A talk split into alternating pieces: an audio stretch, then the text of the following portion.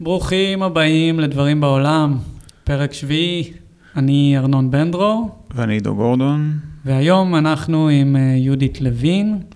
יהודית התחילה את המסלול שלה בעולם האמנות בשנות ה-70, למדה במדרשה. למדה אצל רפי לביא, תלמידה מובהקת של רפי לביא. אפילו עשתה איתו כמה עבודות מתישהו ביחד. אה, אחרי זה 30 שנה לימדה במדרשה, לימדה ציור, אמנות. נכון, מזוהה מאוד עם אה, דלות החומר, מיוצגת היום על ידי גלריה דביר. נכון. ב-2007 הייתה לה תערוכה רטרוספקטיבית גדולה במוזיאון תל אביב. באוצרות אה, דוד גינטון. נכון. קטלוג גדול שיצא, והתערוכה האחרונה שלה נראה לי שהכי אחרונה, הכי עדכנית שהוצגה הייתה במוזיאון אה, אורי ורמי נחושתן באשדות יעקב ב-2019. שהיא הציגה שם שתי סדרות של ציורים. אה, זהו, כרגיל. אורימר על המוזיקה. מתחילים.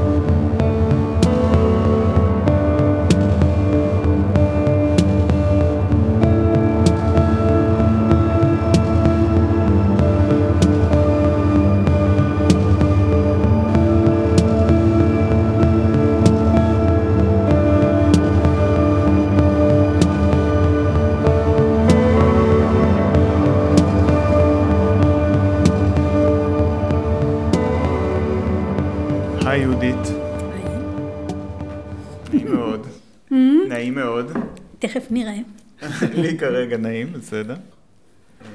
זה הפרק השביעי שלנו, אבל זו פעם ראשונה שיוצא לנו לדבר עם מישהי אמן או אמנית שעוד פעלו בשנות ה-70, ה-80. עד עכשיו זה היה שנות ה-90 והלאה, אפילו שנות ה-2000 והלאה. אה, ומכולם חשבנו שיהיה הכי מעניין להתחיל איתך. זה ממש נעים לי. אמ, תמיד כשאנחנו מתחילים בתהליך הזה של לבחור אה, אומן או אומנית אה, לפגוש אותה, זה מתחיל באיזשהו מחקר מהצד שלנו. אני הכרתי קצת עבודות. איזה? אני עבדתי באוסף שוקן, אוסף של עמוס שוקן. וואלה.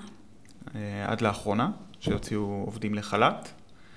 והכרתי את העבודות שיש באוסף, יש לך שם עבודות שהן משותפות עם רפי נראה לי, רפי לביא, נכון? נכון, מאוד, כן. אז יש אותן, ויש uh, את אחד המיצבי דיקט, אחת העבודות קיר, ש... בעצם שתיים, שתי עבודות uh, שלך.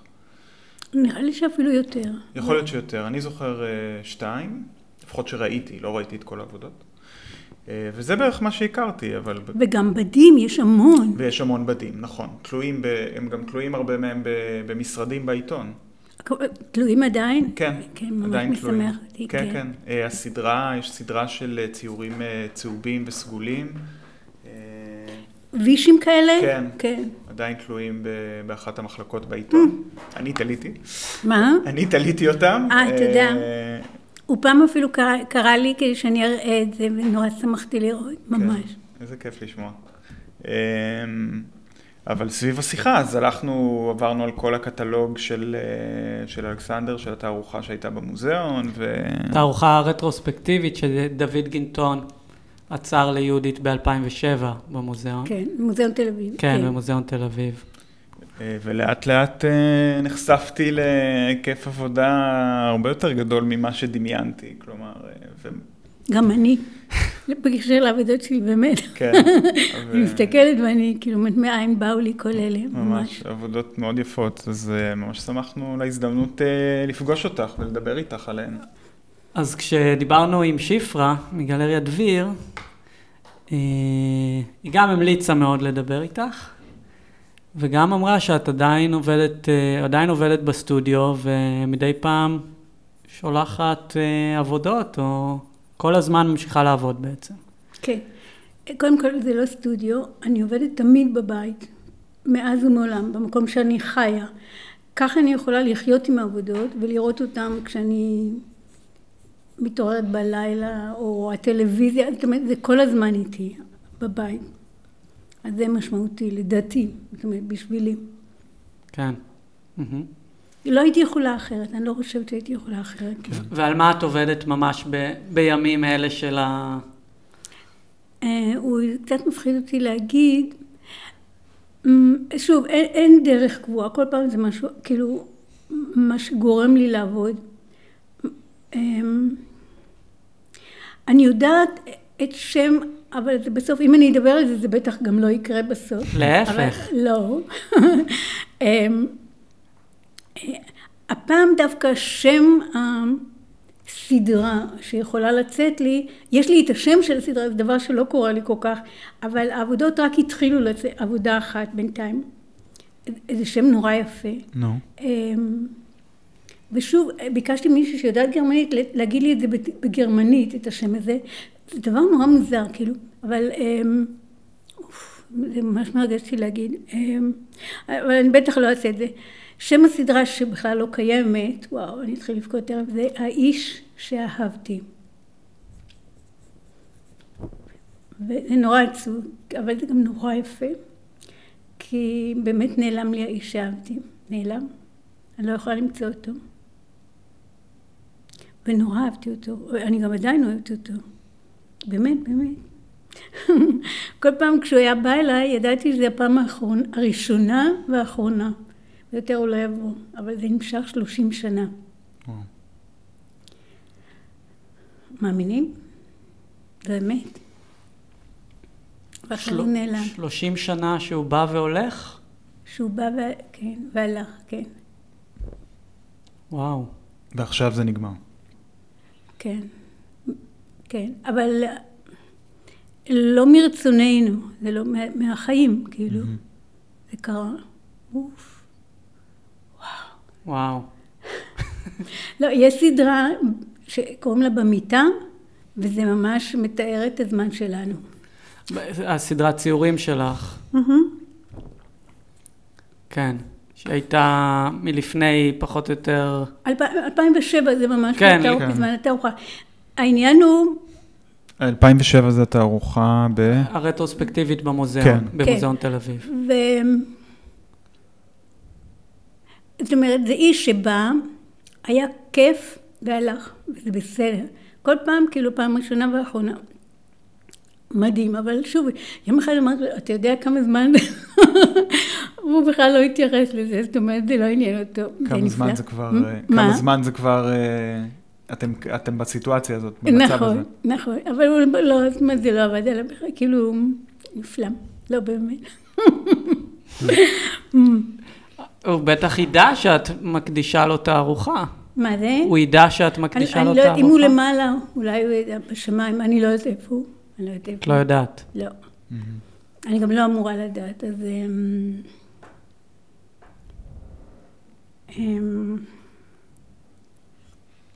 טוב, התחלה קשה ל... מה זה? התחלה קשה לסדרה, לעבוד...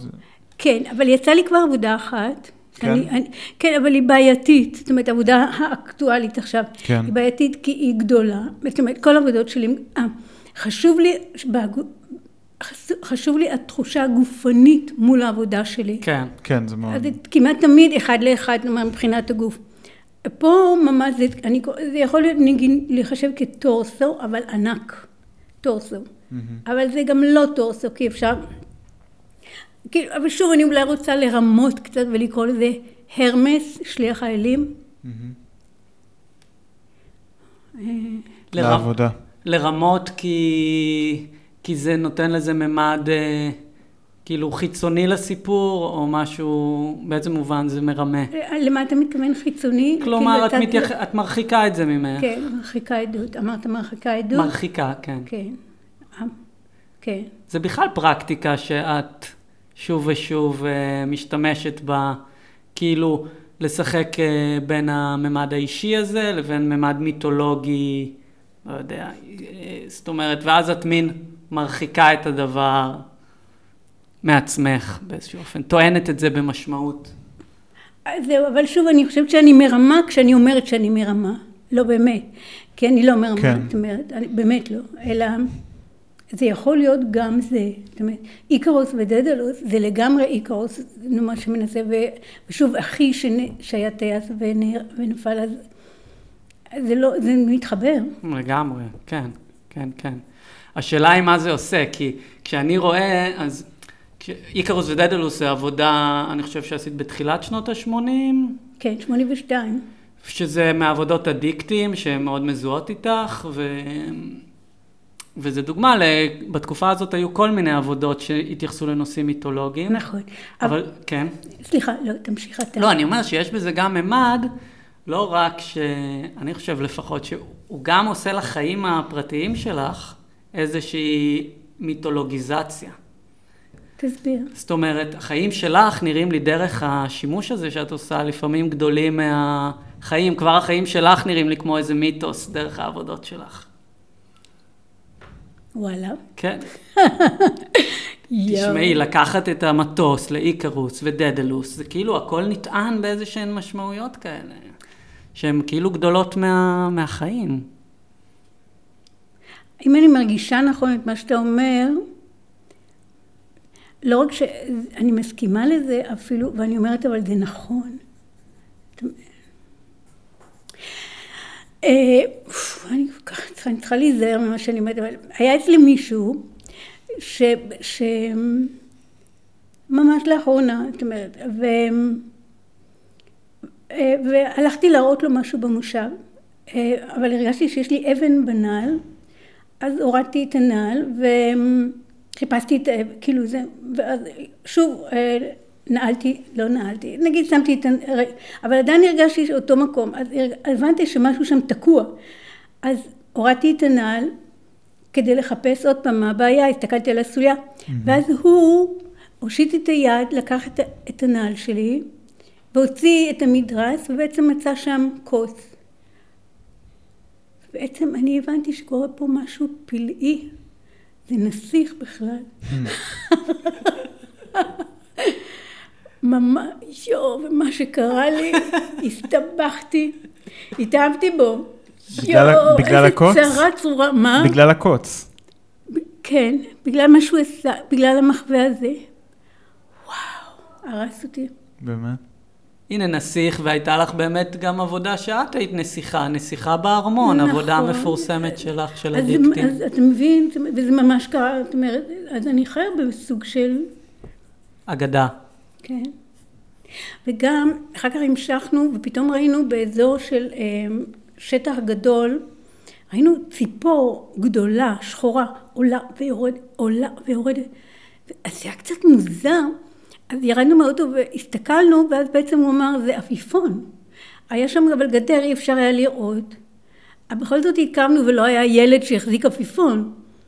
אבל הייתה ציפור, והציפור זה, זאת אומרת, אז אמרתי לו, זה דחליל בעצם. אבל אז התחלתי לשיר, כמו ציפור מטורפת, והוא לא הכיר את השיר, אז הוא חיפש בטלפון את השיר, נכנסנו לאוטו והוא השמיע את זה חזק. וואו, נו תשמע, זה לא... מדהים. מדהים, אבל יהודית, אבל באמת, אה, כמו שאת מתארת את זה, ואת ה... באמת, הגישה המאוד מאוד פואטית, גם לחיים באיזשהו אופן, וגם לאומנות, הפואטית, אני אומר. ואני מסתכל, זאת אומרת, את אומנית שכל כך הייתה ועדיין מזוהה עם השפה של דלות החומר. ובאיזשהו, בטקסט של דוד גינטון, הוא אפילו מצטט אותך שאת אומרת, אה, דלות החומר זה יהודית לוין או משהו כזה. מקובל עליי. כן. כן. אבל הגישה הזאת לאומנות או לחיים, תקני אותי אם אני טועה, היא לא הייתה מאוד מקובלת בשפה הארצית, החילונית, היומיומית, הכאילו שטוחה ביחס לעולם, ביחס לחומר, שאין בה היבטים אולי כל כך, לא יודע, מיסטיים, סימבוליים, גדולים כאלה. אה, זאת אומרת, הגישה הזאת, האם הרגשת זרה כאילו במובן? עוד פעם, האם האם- הרגשת זרה במובן הזה? זאת אומרת, כאילו את נורא מייצגת בשפה שלך את דלות החומר, אבל בתחושה שלי לא ב... נגיד, תפיסה האומנותית שלך, או של תפיסה מה, מה האומנות שלי עושה. או מאיפה היא באה. מעניין שאתה אומר את זה, אבל האם אתה קובע כאילו שדלות החומר צריכה להיות דלה? איך, אה, איך רפי נגיד, הרי את, את ורפי לביא, אתם מאוד קרובים, אהוב ליבי, אהוב ליבך. אחת מהמתנות הגדולות שקיבלתי. כן, כן, ואיך הוא, איך, איך, אה, מעבר ליחס של מנטור, ליח- מיחס ל- מיחס של מנטור כלפייך, מלווה, אב- מנטור זה לא מילה מיתולוגית, אגב? אני לא יודע. אב רוחני, אה, לא, לא. אהוב ליבך, אני לא לא, יודע לא, מה. לא, לא, איכס, אל תגיד ככה, לא. לא? לא. תשמע, קודם כל לא קיבלו אותי לבצלאל, נכון.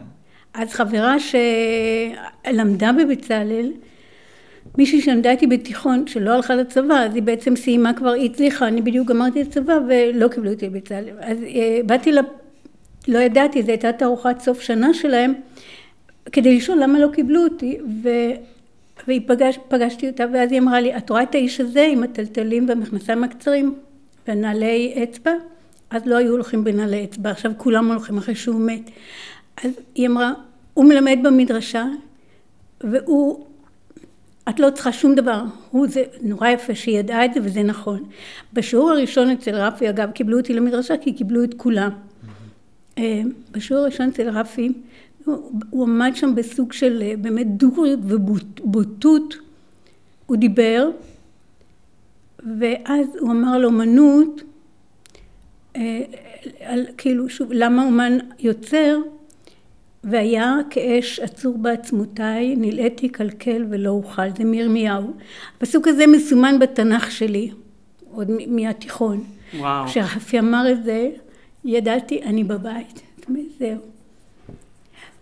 אתה מבין? זה- זה ותגידי, המקום. ת- אתה מבין, זה גם יכול לעזור לך לענות לך כן, על השאלה הקודמת. אבל תגידי, אז את יודעת מה, אולי נשאל את זה ככה. מה, איך היית מנסחת את ההבדל, את השוני, מה השוני, מה ההבדל הכי משמעותי שאת רואה בין העבודות שלך לעבודות של רפי? או בגישה. בגישה שלכם לעבודות, מה היה, מה, מה הפריד ביניכם? מה היה, איפה לא הסכמתם? או בהרבה דברים, אני קצת מיד כאילו שני דברים להגיד, זאת אומרת, לפי דעתי אני, המפתח לעבודות של רפי בעיניי זה נגיעת היד שלו, איך הוא נוגע, והייתה רכות כל כך גדולה בתנועות היד של רפי, זה, זאת אומרת, זה פשוט, וזה עובר לעבודות שלו, זה, זה מרגש אותי נורא. כי אני מזהה את זה, אני יודעת, אני יודעת את זה. אגב, כש- כשעשיתי עם רפי החלפה, לקחתי עבודות שאין בזה שום קשקוש שלו, רק שתי הדבקות. שתי הדבקות, אוקיי, אני, אני לא צריכה את, אני יודעת, אני מכירה את זה, ראיתי את זה, את מה שהוא עושה, את הרכות הזו בידיים, זה רפי. כן. עכשיו, מה, יש לי, למשל, הייתה לי עבודה שקראתי לה סוס, כן. ורפי אמר, מה את קוראת לעבודות בשמות? אין צורך לקרוא לעבודות בשמות.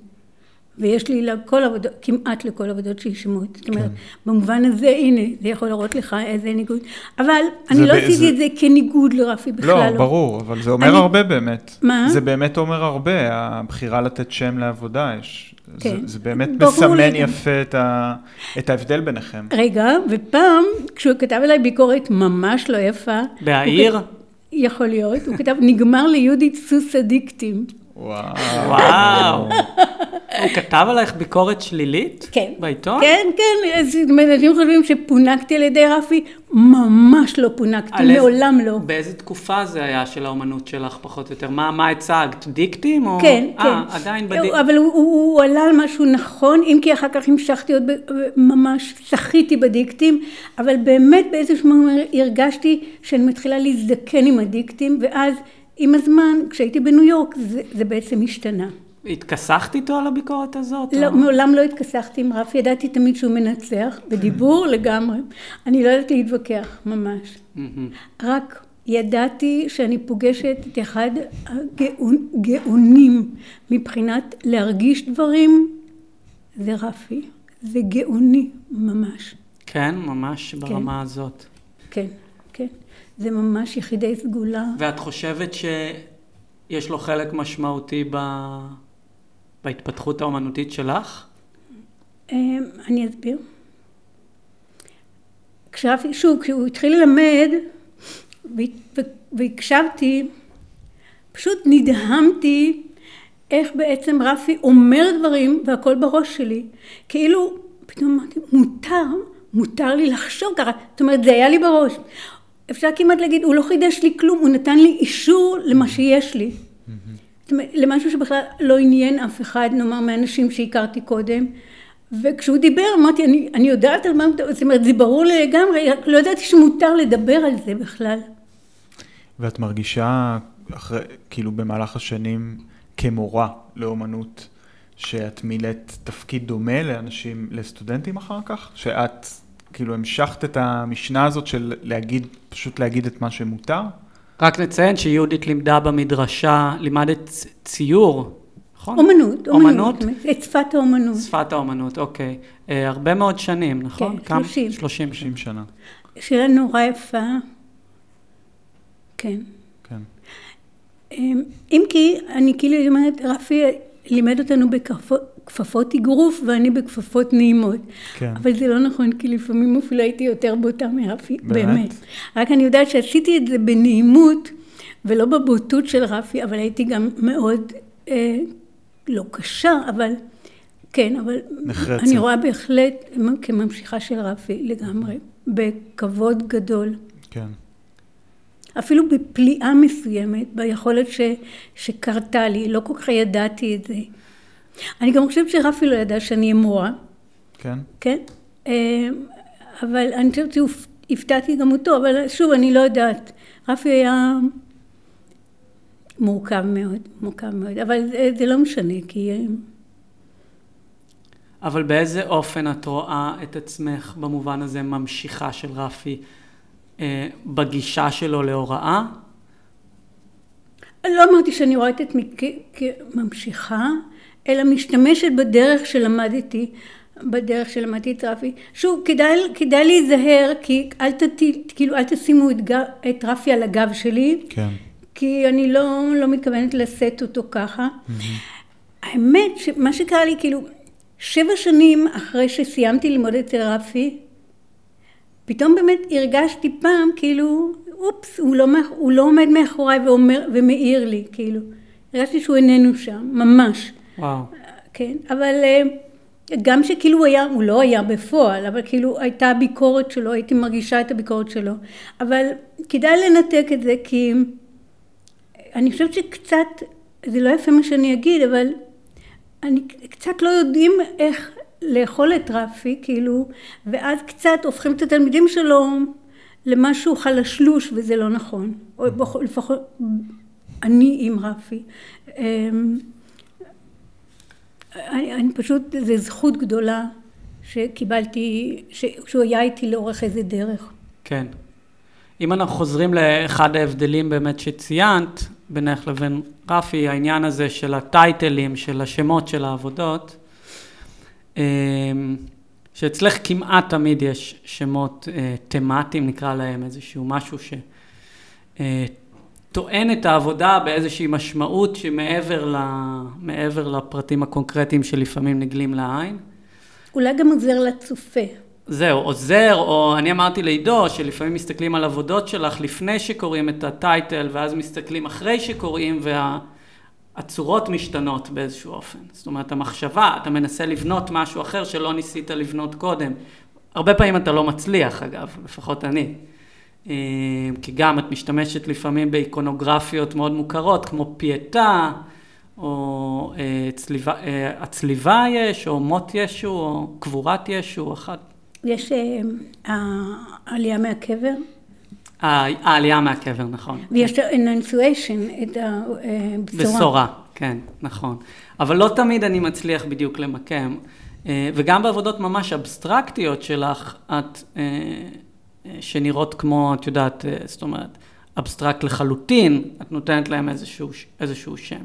מעניין אותי מה, למה חשוב לך שיתקיים היחס הזה בין ה title, בין המילים לבין הצורות. שוב, לא מילים, זה שם. בדיוק חשבתי, אני, טקסטים, חשבתי אולי שאני ארד, אני אלך אחר כך לראות את התערוכה במוזיאון, אבל גם יש הרבה פטפוט, דיבור, וזה דווקא ממש לא מעניין אותי. אני, השם, לפי דעתי, זה, זה הדבר. Mm-hmm. ואני רוצה רגע, עוד רגע לחזור לעניין רפי, בבקשה. אין בעיה, בטח. אמ, רפי בא לכל התערוכות שלי. אה, אה, תערוכה שהייתה לי ב-82 במוזיאון תל אביב. אוקיי. Okay. אז אמ, באותה, באותם שנים ממש אה, חייתי עם יעקב גלעד והכרתי את יהודה פוליקר, זאת אומרת אה, חייתי במובן שהיינו גרים באותו, באותו מקום ואז התחילה להקת בנזין אמ, ההופעה טרום בכורה שלהם הייתה בתערוכה שלי במוזיאון תל אביב ב-82. וואו, וואלה. שעצרה שרה ברייטברג סמל, נכון? את התערוכה. נכון, okay. אוקיי. נכון. וכשרפי שמע שהם יבואו לפתיחה, הוא אמר שהוא לא יבוא. למה? בדיוק, תליתי את העבודות, הייתי על סולם, אני זוכרת, גם מיכל נאמן באה ושרה הייתה, ומיכל אמרה, רפי אמר שהוא לא יבוא. אני ממרום הסולם אמרתי שלא יבוא. אז שרה אמרה, לא, זה לא יכול להיות, והיא התקשרה אל רפי, ואז הוסכם שהיא כתבה בהזמנה, הופעת חברים אורחים תתחיל, התוכחה תתחיל בשמונה בערב, הופעת זה ברבע לתשע. ואז היא הסכימה עם רפי שעד רבע לתשע הוא יהיה. למה הוא לא רצה לבוא? מה? למה הוא לא רצה לבוא אם הם מופיעים? איזה, תשאל אותו. וברבע לתשע רפי יצא והתחילה את זה, ממש ככה. פשוט רק שתדעו בקשר לרפי. ובקשר אלייך, שאמרת לו שלא יבוא. נכון. כן, לא, אבל... אז מה, הוא היה פרימדונה לא קטנה לפעמים? מורכב נורא, הוא היה מדהים אבל. כן. מדהים. זכותו, זכותו, זכותו. אגב, הייתי בשיעורי מוזיקה שלו, וזה מדהים, זה מוזיקה, להקשיב למוזיקה, מדהים. אבל שוב, בסדר, אז הם פושטים, כן. אבל אני גם בעד פושטים. כן. זה מעניין שאת אומרת, אה, את רומזת פה שבגלל שהם פושטים, אז זה, זה לא היה לרוחו. נכון, הוא חשב שהם לא טובים. זאת אומרת שנותר איזשהו משהו אה, אליטיסטי אצל, אצל רפי, שבאך פחות מתקיים כבר, את חושבת? לא. לא. אם כי אני מודה, לפעמים אני הייתי אומרת לתלמידים שלי שיראו טלנובלות. אמרתי, אבל אל תגידו את זה כי אם ישמעו בהנהלה יפטרו אותי. אני רואה טלנובלות, נגיד טורקיות, מדהימות. וזה נראה לי פושטי לגמרי, אבל אני מאוד נהנית מזה. כן. למה להגיד לתלמידים לראות את זה? כי... לא, כי, כי לפעמים יש בהם הבנות או דברים שכדאי, אני לא זוכרת כבר בדיוק למה, mm-hmm. הבנות פשוטות נורא שכדאי לשים לב לזה, לזה אני מתכוונת. וואלה. Mm-hmm. Mm-hmm. ועכשיו אתה שאלת אותי משהו. על הטייטלים, על החשיבות כן. של, ה, של השם, של, של שם העבודה מבחינתך. כן. שטוען איזוש... שנוטע איזושהי מגמה בדמיון של הצופה. כן. אולי לפני זה אני אגיד, יש לי חברה, חברה הכי טובה שלי, קוראים לה שרה, והיא אמרה לי פעם, היא אמרה לי, אמ, שוב, היא לא שמה לב כל כך, אבל זה חלק מהקסם שלה, היא אמרה, יהודית, העבודות שלך יותר חכמות ממך. ואני לרגע כאילו, כאילו אמרתי, כאילו, ואז תפסתי שהיא אומרת דבר נבון מאוד. אמ, כי גם לי לוקח זמן לפענח את העבודה.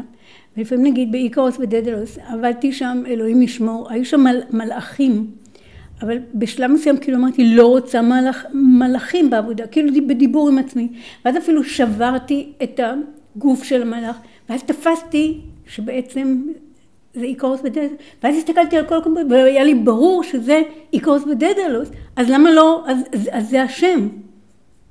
אתה מבין? Mm-hmm. כך שזה לא כל כך מהשכל, זה כאילו, אני הבנתי, וואו, זה, זה איקרוס בדלר, ואני יודעת גם כמה זה קרוב אליי.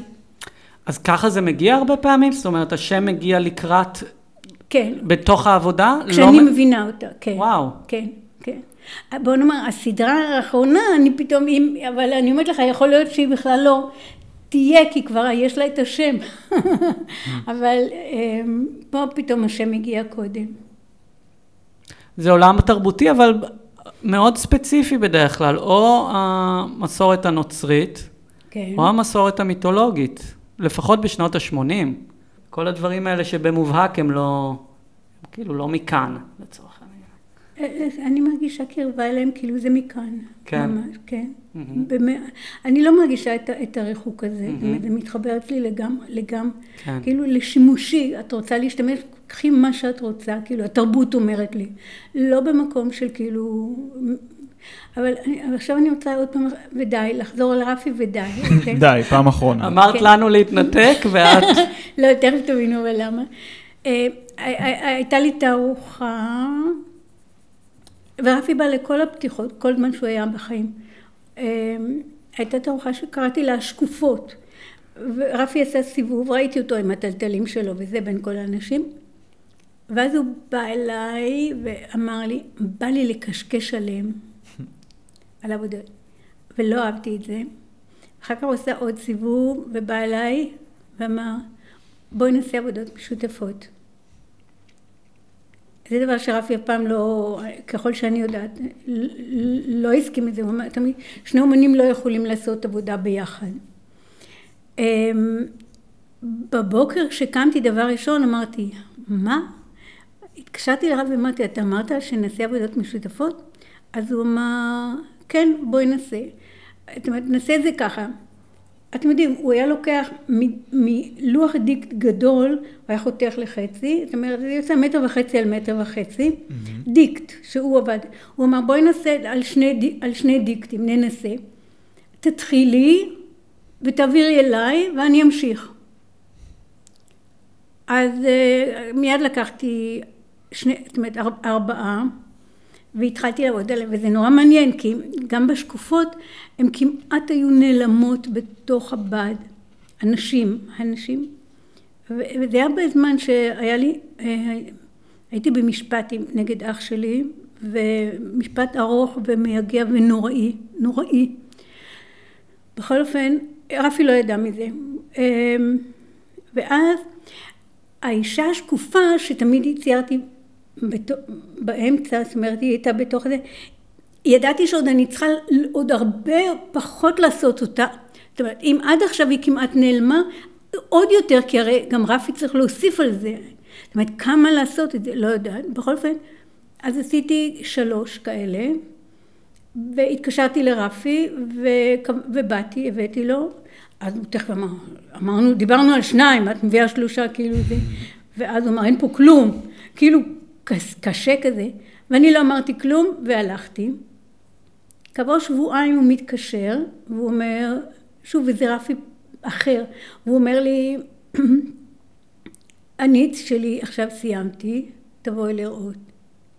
אמרתי, תודה, בסדר, וזה, שמתי, אמרתי, וואו, כאילו, שיחקתי אותה כאילו, כאילו, מיד רציתי לזה, ומיד נסעתי. וכשראיתי, פשוט, קודם כל אמרתי לו, תלך, אני רוצה לראות את זה לבד. כן.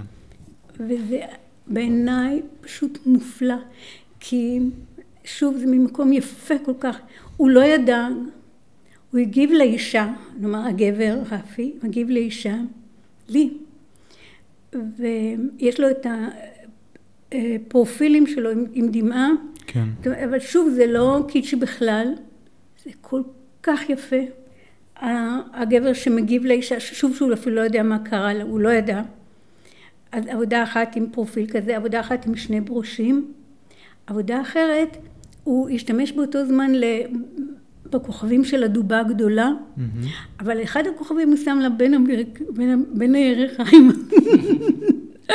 מקסים, כאילו זה, הופה, רפי, רפי, כי אף פעם לא היה הדבר הזה, בכל אופן, ככל שאני יודעת. זה מקסים, עבודות מקסימות. הייתה לו תערוכה במוזיאון ישראל.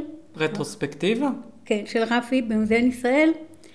אז הייתה שם עבודה אחת שלי ושלו, ואני ראיתי את כל התערוכה, וראיתי את העבודה שלי ושלו. אמרתי, רפי, אתה יודע, ממש נורא, רפי, אתה יודע מה העבודה הכי... יפה זה העבודה שלך ושלו. הוא הסכים? הוא הסכים או ש... מה? הוא הסכים איתך? הוא היה עם אנשים. זה מעניין שאת אומרת, אה, זה מזכיר לי משהו שיש לי חברה טובה בשם רותי דה פריז. ש- מי? רותי דה פריז. אה, היא למדה אצלך ציור. כן, בטח, היא הבת של... אה, רלי דה פריז. שנה א', ואפרופו הכלום הזה שאת מתארת, היא אומרת שאחד התרגילים שנתת להם בציור שנה א', היה אה, להגיע כמה שקרוב, לצייר בצבעים כמה שקרוב לכלום, כמה שקרוב ל, להיעלמות של, ה, של הדימוי. כן. היה לך איזשהו עניין בכלום עד הזה? היום, עד כן. היום, כן. בשנה א' אני מלמדת ממש את הבסיס, כאילו השפה, זה כמו ללמוד אותיות, או אחר כך מילים, אחר כך, זאת אומרת, כדי להיות משורר אתה חייב לדעת את האלף-בית. אז התרגיל הזה, זה ממש תרגיל מיד כמעט בהתחלה, זה לדבר על משפחת הפסטלים. אפשר לחשוב, פסטל זה צבע מתוק. והתרגיל הוא להגיע לרגע מותו של הצבע בלבן. רגע הגסיסה. אבל גם כשצבע מתייבש הוא מתכהה. אז צריך גם על זה לחשוב, על, על, גם עוד יותר. וזה, וזה תרגיל נורא קשה. אחת התלמידות, באחת הפעמים, פשוט התחילה לבכות. רותי אמרה לי שהיא בכתה, זה היא בכתה. אז אולי זאת היא. יכול להיות. אז היא אמרה לי, אמרתי- בכיתי אז מהעבודה, הזו- אז מהתרגיל אמרתי לה, אל הזה." תעשי, כי- עשית אותה עכשיו. אומרת, ממש. את לא צריכה לעשות את זה, כי הרגשת אותה. ממש. אבל אז גם שרים את השיר, אשיר לכם ניגון ישן, מכירים? ניגון ישן על מעיין. הוא רצה להיות גדול, וזה... הוא ביקש מאלוהים להיות גדול, הוא רוצה שהאוניות... י- ואז אלוהים הביא אותו, זאת אומרת, אחרי שהוא איבד אלוהים את המוח, אלוהים הביא אותו לים, ורק דייג אחד שמע את בכי המעיין, אשר ביקש לצאת, כי הוא פשוט נעלם בתוך הים. זה השיר, זאת אומרת, זה גם המקום הזה. תמיד כשהייתי ילדה הייתי מרגישה כל כך צער, כאילו על, על המעיין הזה. Mm. מעניין אותי אולי אם תוכלי לספר על עוד, עוד תרגילים כאלה בסיסיים שאת נותנת לתלמידים, שנה א', שמתחילים לצייר. יש תרגילים, ממש תרגילים אשכרה. הם מאוד אה, מודרניסטיים במובן מסוים. הם גם די לפי רפי, אבל שוב, עם הרבה השתנויות. אה, יש לי תרגיל שקוראים לו מבוכה. זאת אומרת, לעשות תרגיל שהוא מבוכה. זה נורא קשה. זאת אומרת, אבל אם קשה לך, אז תעשה את ההיפוך של, נגיד, של ביטחון. אבל זה פחות או יותר אותו דבר. אבל, רגע, מה שרציתי להגיד, עבודה חופשית. מדי פעם, כאילו, תצאו מה שבא לכם. ואחת התלמידות שלי, היא בעצם באה גם ואמרה, לא מעניין אותי יצירה וזה, אני רוצה להכיר צבעים וכאלה. היא עשתה משהו עם צהובים וזה, וכשראיתי את העבודה שלה אמרתי לה, תהפכי את זה רגע, כדי שנראה את הדובי. אז היא אמרה, לא ציירתי פה שום דובי. ואז כשהיא הפכה, כולם אמרו, יש פה דובי. ואז היא אמרה, אני לא ציירתי, ואז היא אמרה, רגע, היא אנגליה. היא אמרה, יש לי דובי, הוא עד היום, מי שאני, מי שהייתי ילדה באנגליה, עד היום הוא שוכב במיטה. זאת אומרת, היא שלחה לנו אחר כך צילום שלו, של הדובי במיטה. זאת אומרת, הדברים האלה יוצאים כי הם רוצים לצאת, כן. לא בכוח. את, אתה מבין? מה זה התרגיל של המבוכה? תרגיל של מבוכה. זה קודם לדבר על מבוכה. מבוכה זה דבר ששוב, גם לי. אמ, היה, היה, לא היה, עדיין יש במושב, אה, חבר אפילו אתמול הוא הזמין אותי משום מה לקטוף תאנים אצלו, זאת אומרת, הוא, הוא, באמת, הוא אדם יק, באמת, לא יקר, אבל באמת בסדר, כאילו, גדעון. וכשהיינו ילדים, היו רואים עליו מבוכה. הוא היה ילד שתמיד רואים שהוא נבוך.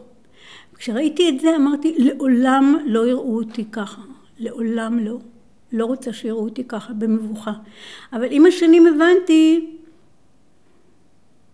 שאני לא מתביישת במבוכה שאני, זאת אומרת, גם הבנתי שזה מקום מיוחד, המקום שכאילו רוצים לברוח ממנו, לא להיות שם. אמרתי, רגע, תהיי שם לעצמי, כאילו, כי זה מקום טוב, זאת אומרת, הוא לא טוב, אבל הוא מקום מיוחד, זאת אומרת.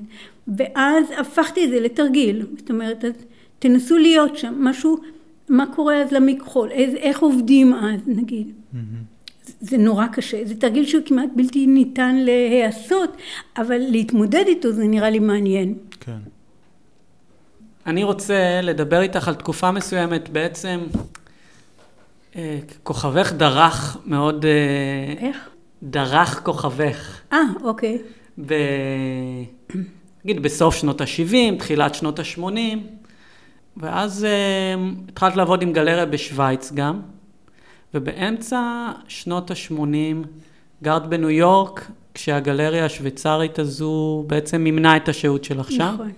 איך קראו לגלריה? היא לא קיימת היום, נכון? קנדלר. Uh-huh. קנדלר זה, זה על שם איש בשם קנדלר, שהיו לו סניפים באוסטרליה, באנגליה, בניו יורק לפי עד היום, ובשוויץ.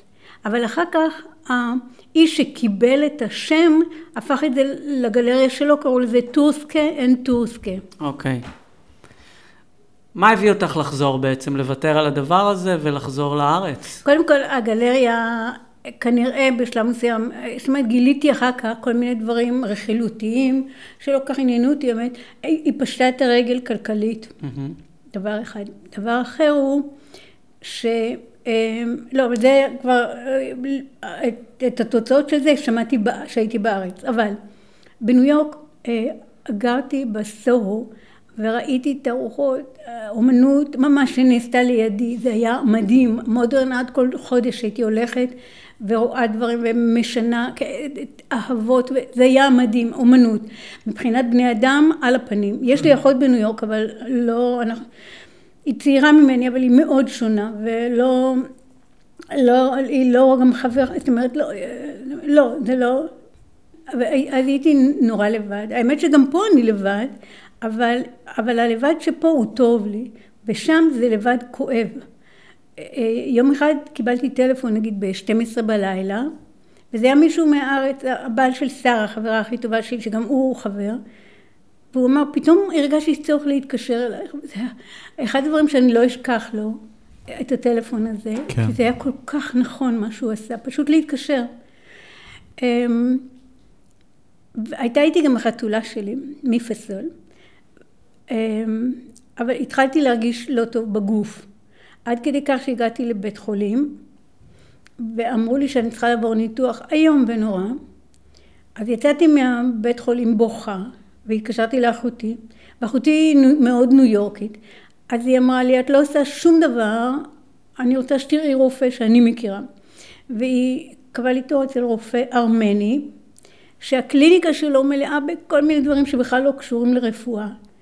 כשהוא ראה אותי, הוא לא בדק אותי, הוא הסתכל עליי, והוא אמר לי, All you have to do is to, is to be happy. ואז הבנתי לחזור הביתה. חזרתי הביתה, אין שום מחלות, כלום, הכל בסדר, ואז, זאת אומרת, זהו, זו הייתה הבריאות שלי. ממש הום סיק ברמה הפיזית. איך אתה אומר? הום סיק אומרים באנגלית. אמ, לא ידעתי את זה, לא ידעתי, כן. לא ידעתי. אבל כשהוא אמר לי, הבנתי איפה אני אהיה מאושרת, בבית. ומאז כשחזרת, אז גרת בעין ורד כל הזמן? Mm-hmm. מאז שחזרת, חזרת בעצם לבית בעין ורד, ומאז את שם. נכון. שוב, לא פשוט, כי מסתבר שמישהו לא כל כך רצה שאני אהיה שם, ואז התחלתי במלחמה. זה היה המשפט עם אח שלך? כן. וזה גם מהדברים הכי חשובים שעשיתי בחיים, במובן של להרים מסכים שהושמו בפניי, אה, והתחלתי לראות איפה אני באמת, וזה נורא חשוב. דברים ממש חשובים. לראות איפה אני חיה, להפסיד במרכאות אנשים שכאילו היו איתי, ש... וזה בסדר גמור, ממש. הכל ממש טוב, בסדר גמור. מה שקורה, מה שעשיתי. Mm-hmm. אני רוצה רגע להגיד עכשיו שיר קצר שאני, בסדר? בטח. יש לי שיר. אה, על גוזל נפשי, עליי להגן, בשוכבי כך במיטתי, אחרי שעשיתי דברים חשובים. מנוחה רגועה, בשוכבי כך במיטה, מוקפת בחתולים, אחרי שעשיתי דברים חשובים. זה שיר שלך. Hmm? זה שיר שלך. וזה המצב שיכולת להשיג חזרה אחרי שפתרת את כל, ה... את כל הבעיות הגדולות האלה שעטפו את החיים. אבל היה כרוך בזה גם ויתור בטח, לא? אה, בטח היו לך שאיפות, שאיפות בינלאומיות, ובחזרה יש איזשהו ויתור על הדבר הזה, לא? אוקיי, אני פה, זה המקום שלי. אה, אוקיי. אה, הם הציגו אותי פעם, הקנדלרים, קנדל, אה, יש בוונציה מין יריד, פיאק קוראים לזה, ווטאבר. אז בחדר בארמון ונציאני, הם קיבלו, כל, כל גלריה, ממש מקלצו, איך קראו לו? כל, נו, האיטלקי, היו, נו, ווטאבר. גלריות מריבון, ונאמר חשובות מאותו זמן. מהמם. הם קיבלו חדר, אז, אז הם הציגו אותי, גלריה, סטלה, מיינגולד, קלסולרי ויהודית לוין. ואז גם, זאת אומרת, אז, אז תלינו את העבודות עוד לפ, כאילו קודם, ואז גם ישבתי בגלריה, ואז היה, אה, הלכו, נגיד, שוב, המרי בון, ו...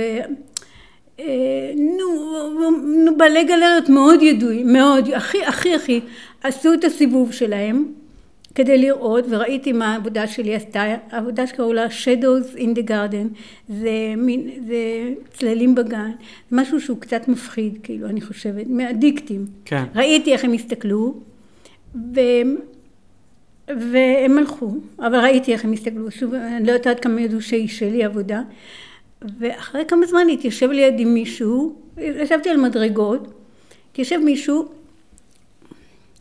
כנראה ניסה להתחיל איתי, לא כל כך הבנתי, ניסה להתחיל איתי באנגלית, אבל אני לא שומעת טוב. הוא התחיל להגיד לי, I know you, I met you. אמרתי, I don't know you, כאילו. והוא ממש ניסה להתחיל איתי, כאילו אני לא יודעת, אבל שוב, אני מאנגלית וגם אני מתרגשת, אז אני בכלל מבלבלת. ודי עפתי אותו, כאילו שדי. וכשהגעתי לארץ, אתם יודעים מי זה משה ניניו? כן, משה ניניו, כן. בטח. אז אה, כאילו, משה ניניו אומר, כאילו הוא דיבר, הוא אומר, יש בעל גלריה, שוב, נורא חשוב. הוא אומר, הוא עושה, יש לו, הוא אומר, מין טקטי, טקטיקה, הוא יושב ליד אומנים ואומר, "אנחנו- אני מכיר אותך. אתה- אמרתי, היי, הוא- עשה את זה, אתה יודע. אוי, זהו. מצחיק. אז אלו, אז זאת אומרת, אוקיי, אז הבנתי, זה החוץ לארץ, בסדר. אז מה, יקנו ממני, יהיה לי המון כסף? מה יהיה לי? זאת אומרת, תציגי בעולם יותר, נגיד, אה, קהלים אחותי- אחרים. אחותי זאת, היא ניו יורקית פושטית, אה, אבל לא, במובנים הטובים והרעים של המילה, היא פגשה מישהו ב upstate ניו יורק, באיזשהו מקום, והיא דיברה, וכשהיא אמרה לו מישראל, הוא אמר, אה, את אחות של יהודית לוין. זאת אומרת, מאיפה? הוא אמר, כן, ראיתי עבודות שלה, זאת אומרת, הנה, אני לא דואגת. כן. כן. אבל קצת, כן, דואגת. אבל אמ, על מה ויתרתי? על מה ויתרתי? להיות מפורסמת? אמ, אז מה? נגיד אני מפורסמת, אני ג'ף קונס, אז מה? אז מה? במובן הזה זה הייתי לא שם. תמיד קל, לא תמיד קל, אבל להבין את הדבר הזה. שיותר חשוב שיהיה לי טוב, ושאני מה אהיה, זה? ב- שיהיה יותר חשוב שיהיה לי טוב ושאני אהיה. במקום שלי, לגמרי. מאשר התהילה, נכון, נגיד. כן. נכון, כן. אם כי הייתי רוצה קצת יותר, אה, ושוב נגיד, סליחה, נגיד פרס ישראל, נגיד. אבל אני אומרת, אני לא רוצה פרס ישראל כשאני, כשאני נמצאת במחסום וואץ' ואני רואה מה קורה שם, זאת אומרת, כן. לא רוצה פרסים ממדינה כזאת, אה, למרות ששוב זה יכול כאילו, אבל, אבל גם, אבל זהו, אומרת, אה, אה, אתה מבין, זאת אומרת, כן. אני עושה את מה שאני אוהבת, ולפעמים זה מצליח נפלא, ולפעמים זה מעצבן אותי, כשאני כל כך רוצה שזה יהיה תמיד טוב, כאילו, לא, הכי, לא טוב, אלא כאילו, זה הכי חשוב. באמת דיברנו הרבה על עבודות הזכורות, המזוהות איתך מאוד, של הדיקטים, אבל לא דיברנו כמעט על דברים מהעת האחרונה יותר. ו... כן, אותי יעניין, זו תערוכה שלא הייתי בה, כמו שאמרתי לך, אה, קודם כל נגיד שאנחנו מדברים על תערוכה במוזיאון אה, נחושתן. אורי ורמי, נכון? אורי ורמי. אשדות יעקב. אשדות ב- יעקב. כן, בקיבוץ אשדות יעקב. תערוכה שהייתה לך שם ב-2019. אה, התירוץ שלי זה שאני גרתי בחו"ל, אבל כרגיל לעידו אין תירוץ. כי זה אשדות יעקב, זה שעתיים נסיעה מתל אביב. נכון. הייתי שם זה- פעמיים. זה מוזיאון. מאוד נחמד. ממש. שעוצרת סמדר אה, קרן, כן. נכון? וגם את התערוכה הזאת היא יצרה. כן. ששם הצגת שתי סדרות בעצם, כן. פלוס איזשהו וידאו, שני וידאוים שעובדים ביחד כן, כעבודה. נכון. אז אה, אולי נתחיל מסדרה אחת שהייתה שם, כן. שזו אה, סדרה שלכאורה במבט ראשון, או בעצם הפוך, במבט ראשון אנחנו מיד מזהים איזשהו אה, קונטור שמזוהה לנו כמעט כמו קריקטורה של היטלר, אה, אבל זה בעצם שתי צורות מופשטות, ריבוע וחצי רבע גורן כזה. אולי תספרי קצת על הסדרה הזאת של שש, כן. ש, זה, שש זה עבודות. לא קריקטורה. זה אורות קור רציני, סליחה. אה, זה בפירוש היטלר, אבל זה ממש לא קריקטורה. זה נורא רציני, ושישה כאלה עשיתי. אני לא יודעת, אני, כן, אני כן יודעת איך זה התחיל, אבל זה לא משנה, זה בתהליך עבודה. אה, ושוב, כשזה יצא, פשוט נדהמתי. אה, אבל שוב צריך להיזהר, יש את זה עכשיו כקריקטורות, נגיד היה את זה אפילו, זאת אומרת, את, הצי, את, את, הדבר הזה, אבל זה, זה ציור מופשט. אני אתן דוגמה, אני אנסה להסביר את זה. אה, דביר עשה קצת קודם, הוא עשה תערוכה שקראו לה לכל איש יש שם. בגלריה שלו, שזה היו ארבע קומות, הוא הזמין כל מיני אומנים מחו"ל שהביאו עבודות שקשורות בזה. אמ, בין היתר, האומן הפולני, בלקה, נכון. מירוסלב נכון. בלקה. אז הוא קיבל את החדר העליון, הקטן יותר, ושם הוא פשוט השמיע בסאונד, בעצם עבודת סאונד, שמות של קומפוזיטורים מהתקופה הזאת. ועוצר צרפתי שבא לארץ, בכלל לרמאללה, לראות אומן פלסטיני, הוא רצה לראות את העבודה של בולקה. אז אה, הוא בא לגלריה והוא ראה את כל התערוכה, ואז הוא בא לדביר, הוא אומר, אני לא מבין מה זה השלוש עבודות המופשטות ששמת שם. אז דביר אמר, תלך עוד פעם ותסתכל. ואז הוא ראה, והוא הזמין את העבודות האלה לתערוכה שהוא עשה ב, אמ, בשבעה מוזיאונים בשתי ערים בצרפת, מאוד קרובות לבאזל, אבל בצרפת. זה הרי לוויין, אני חושבת, זאת אומרת, איזה של פג'ו, משהו כזה, אני לא יודעת, אבל שאנשים שם באים רק כדי לישון וללכת לעבוד, אבל יש שם המון מוזיאונים, שבעה מוזיאונים שבכולם היה הנושא של חזרה לתהום, זאת אומרת, קשורות לשואה, לא לשואה, לגרמניה. אה, מסתבר שעכשיו זה, זה די, אה, זאת אומרת שהנושא הזה מעסיק את אירופה עוד פעם, להסתכל בפרספקטיבה על התקופה הזאת. והוא הוא הציג את שלושת העבודות האלה, הוא גם הזמין אותי לבוא לשם, במוזיאון שלו, זאת אומרת זה לא שלו, אלא שהוא מתפעל, ממש בכניסה, במקום הכי מיד שבאים, זה היו שלוש העבודות האלה. זה עבד מאוד חזק בעיניי. אז, אז הצגת שלוש, נכון. וזה התנפח לשש. לא, מההתחלה זה היה שש, אה, אוקיי. דביר הציג שלוש, אז הוא רצה בדיוק כמו דביר. אה, אני ממש בסוגריים, אני חייבת להגיד שהעבודות האלה, הערים האלה מאוד קרובות לקולמר. כן. ואתם יודעים מה יש בקולמר? אה, יש את ה...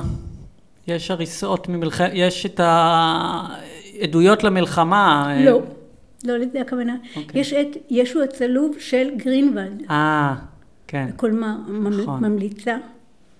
זה בכנסייה, זה מדהים. הוא נתן לי רשות להשתמש בנהגת עם, עם אוטו שלה לאן שאני רוצה, ועוד בבית ראיתי שזה קרוב. שעה נסיעה זה הכל. נסענו שם, אני והנהגת שהיא בכלל לא בעניין של אומנות, ובאנו לכנסייה, לא היו שם הרבה אנשים, ואפשר לשבת ממש קרוב ליד זה. זה מדהים. הישו הצלוב, זה, זה מעביר את הכאב הגוף. פשוט לא יכולתי לעזוב את המקום, ממש, לא יכולתי לעזוב. אז כן היא לקחה אותי לאכול וזה, וחזרנו. היא הבינה לגמרי הנהגת, ממש הייתה כל הזמן הזה, אפילו צילמה אותי וזה מאוד יפה, מסתכלת על. זהו, אחר כך הלכנו, אבל שוב נכנסתי לאחת הסמטאות, ובכיתי את הנשמה שלי, ממש. זה היה חזק, וגם הדבר הטוב הוא שאין הרבה אנשים, ואפשר לחוות את זה. וואו, מדהים.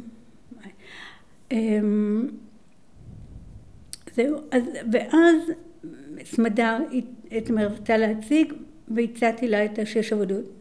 היא גם פתרה את זה מבחינת איך להראות את זה, נורא יפה, זה אולם מאוד גדול מלבני, היא יצרה קיר באמצע, שהוא הלך קצת באלכסון, קיר שהפריד ביני ובין עבודות של אומן אחר שהציג שם, ואפשר היה לראות, זה, זה היה, באמת זה היה מדהים, השש עבודות של היטלר. שוב, זה לחבר את רוטקו בעיניי, ואת הזוועה הכי גדולה, לראות את זה. צריך לראות את זה, ממש. כי זה, זה הפרופורציות הן פרופורציות גדולות, פרופורציות אה, רוטקואיות, נאמר, כן, נכון? נכון, נכון. כן.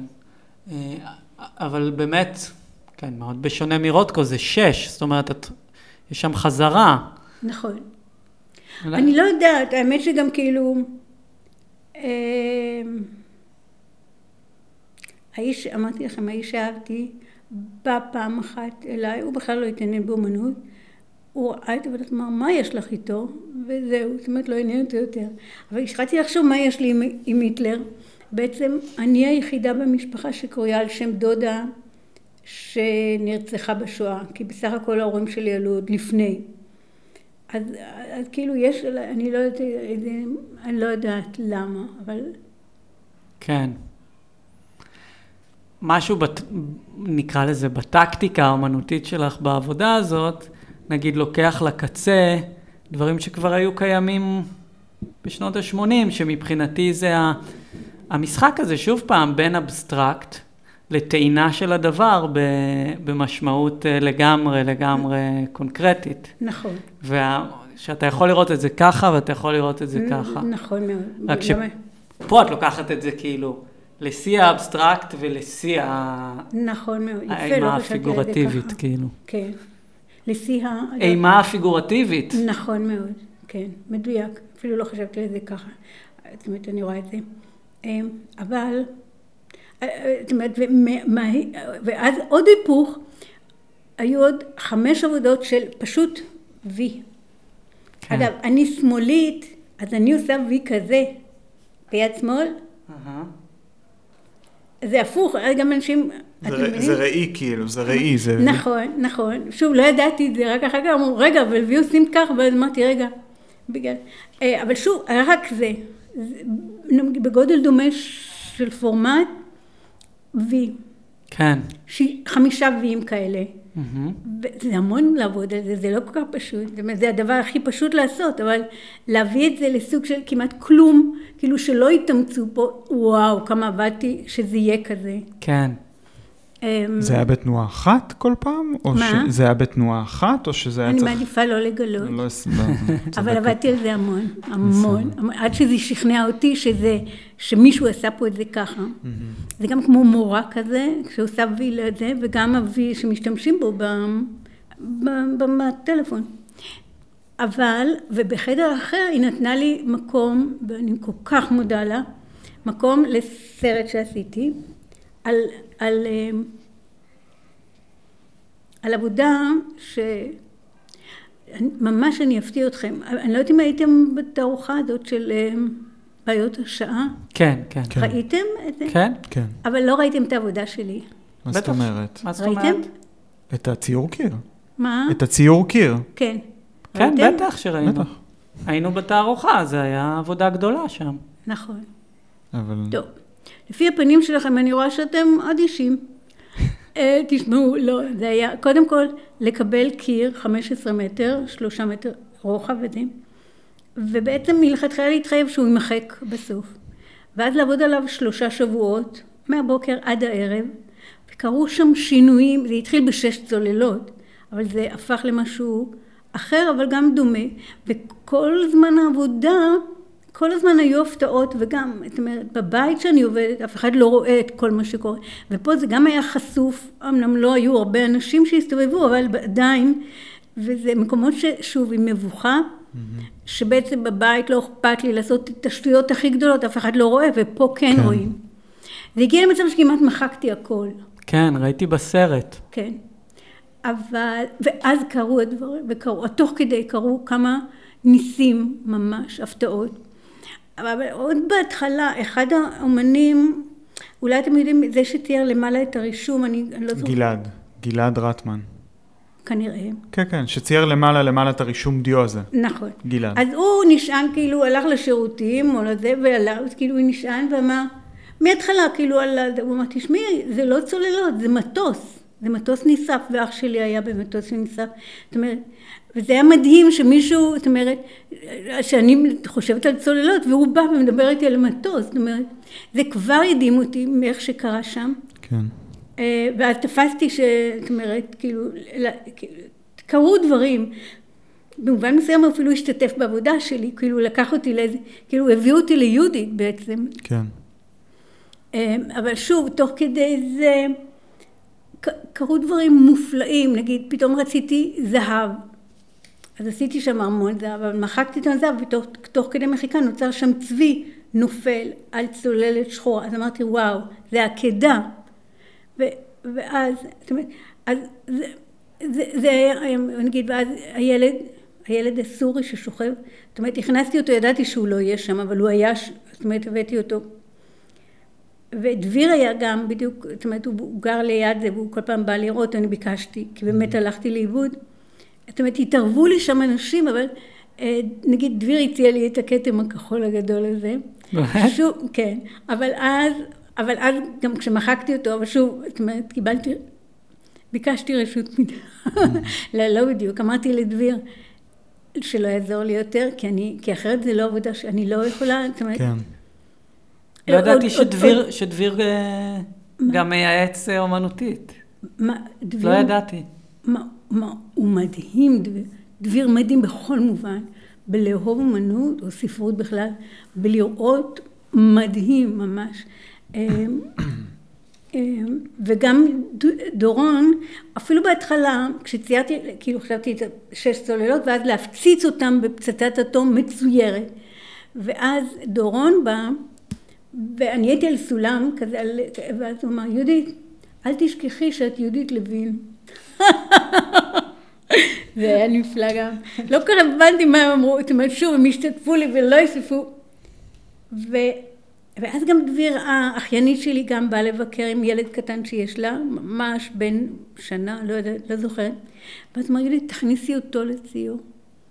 שוב, אבל זה נראה לי מופרך, זאת אומרת, אבל אז, תוך כדי מחיקה, פתאום נוצר משהו שבעצם סיים לי את הכל, וידעתי, זה גמור, גמור, גמור, זה מה שאני רוצה, הסוף. זאת אומרת שלא ידעתי, כמובן, שזה מה שיצא. אני מאוד אהבתי את זה. מימיי לא, לא קיבלתי התייחסויות של אומנים שאני מכירה על העבודה הזאת, כמו, ש, כמו שזה. נגיד, נחום טבת, הוא אמר לי, את חייבת לבקש שישמרו את העבודה הזאת. נגיד בחוץ לארץ בונים קיר, נגיד מדיק, מגבס, ואז מדי פעם חושפים את זה, אמר שהיא לא תימחק. נחום טבת, מה אכפת לו ממנו וזה. אני אומרת לכם, לא שם, תגובות כמו ששמעתי על העבודה הזאת, מעולם לא קיבלתי. באמת? למרות שנגיד מבחינת ביקורת, כלום, נאדה, שום התייחסות. נורא, נורא התפלאתי. אבל שוב, יש לי את הסרטים האלה ש... זאת אומרת, יכולתי... הם שנשארו בסוף.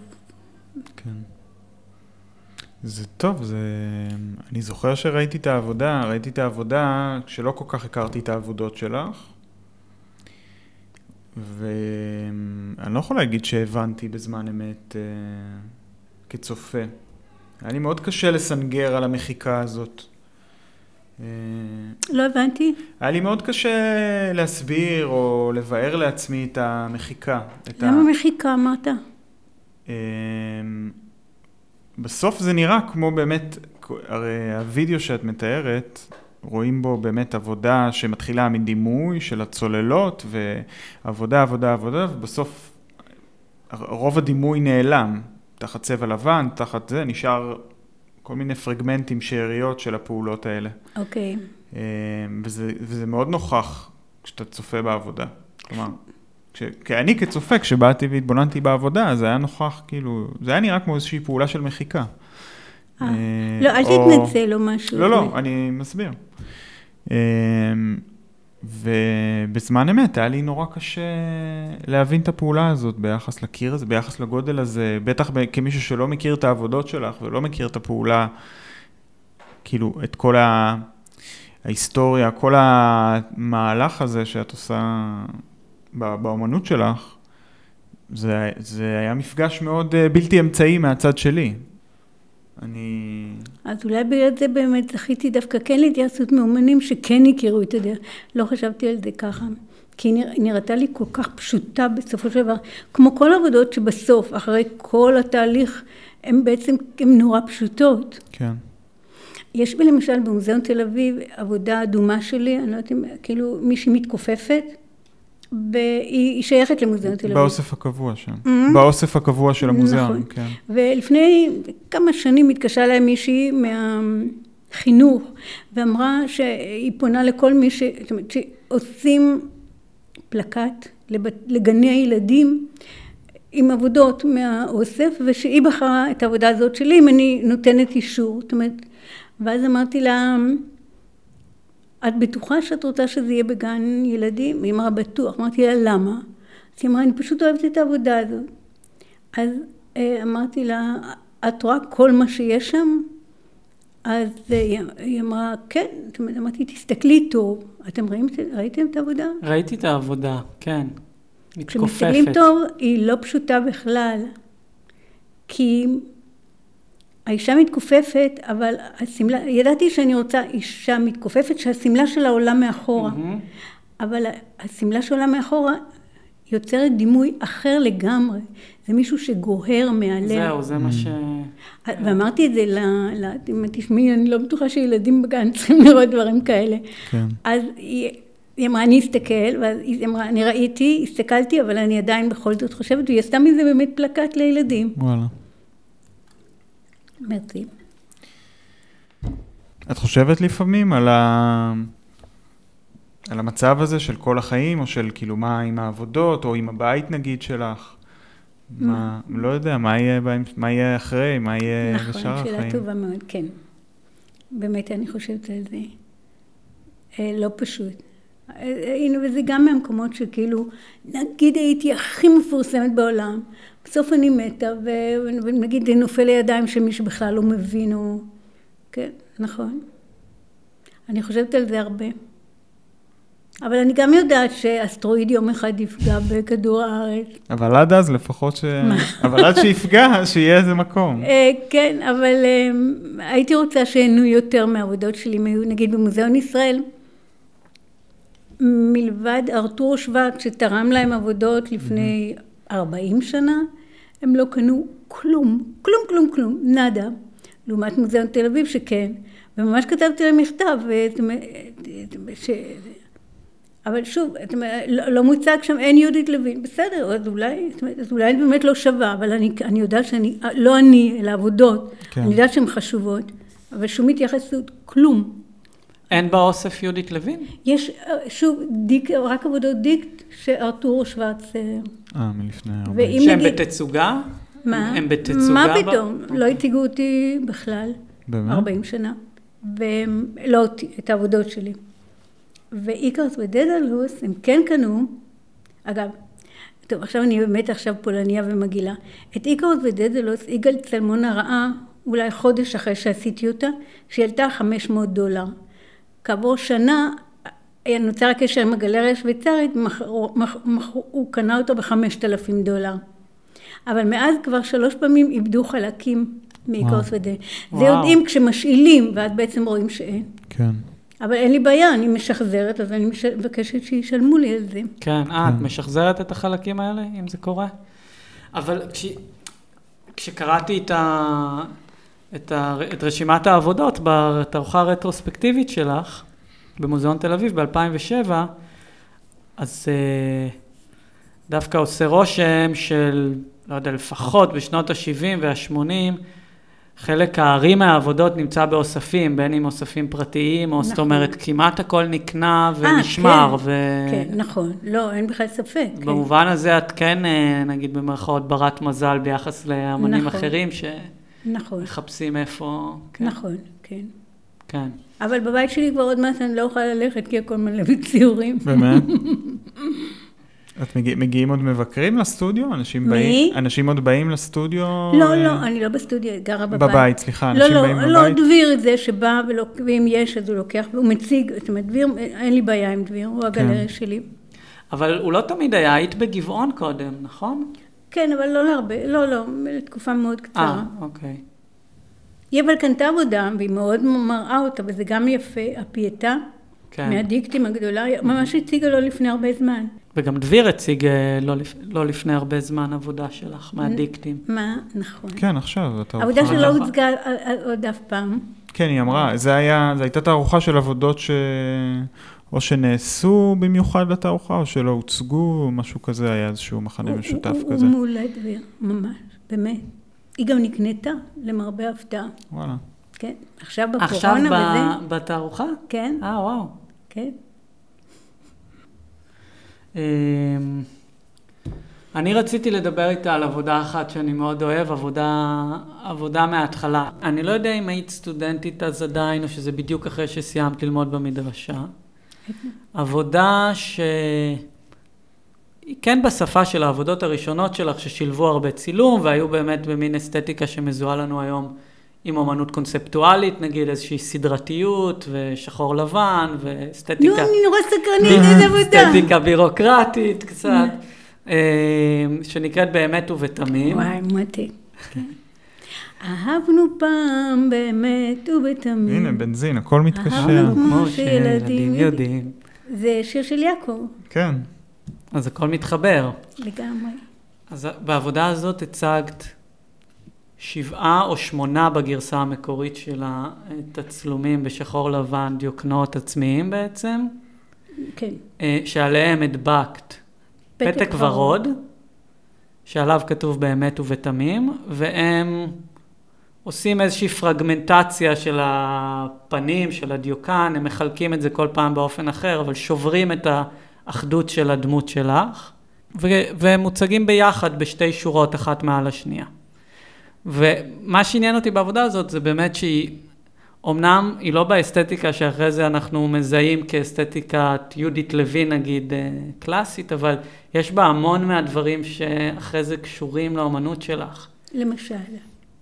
כאילו כמעט בסימונים לפעמים, אבל למשל. קודם כל הוורוד הרפי לוי הזה מאוד. הדיוקן העצמי שלך, זאת אומרת, ההכנסה של, של הפנים שלך, שאחרי זה השתמשת בה הרבה. השבירה של הדמות, שאחרי זה פיתחת את זה בצורות אחרות, אבל שם זה מופיע, זה מופיע כבר בצילום. זה שאחרי זה למדתי שבמאחורה של הפתקים מופיע השם של אה, אביך, כי זה, אלה היו פתקים ששמו על סחורה, על תוצרת חקלאית במשק של, של אביך. אה, אז באמת ההטמנה הזאת של פרטים ביוגרפיים שאחרי זה הייתה שוב ושוב קורית בעבודות שלך. אה, אבל יותר מהכל, אני קראתי את זה, שראיתי שזה לא הפירוש שבדרך כלל ניתן לדבר הזה, אבל את הבאמת ובתמים הזה, כמישהי שיוצאת מהבית ספר לאומנות, ואומרת באיזשהו אופן, כאילו אומנות עושים באמת ובתמים. לגמרי, מדויק. כן, נורא יפה מה שאתה אומר. וזה נשאר עד היום, הגישה הזאת שלך לאומנות. מדהים. כאילו שהיה לך מין הבנה כזאת, איזשהו קרדו כזה, מזוקק מאוד, בגיל כל כך uh, צעיר. הכל היה בגרעין הזה כבר.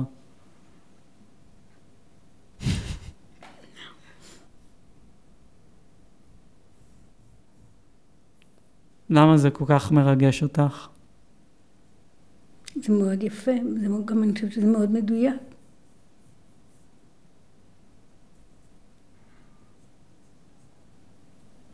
וזה גם נורא יפה שמישהו רואה את זה.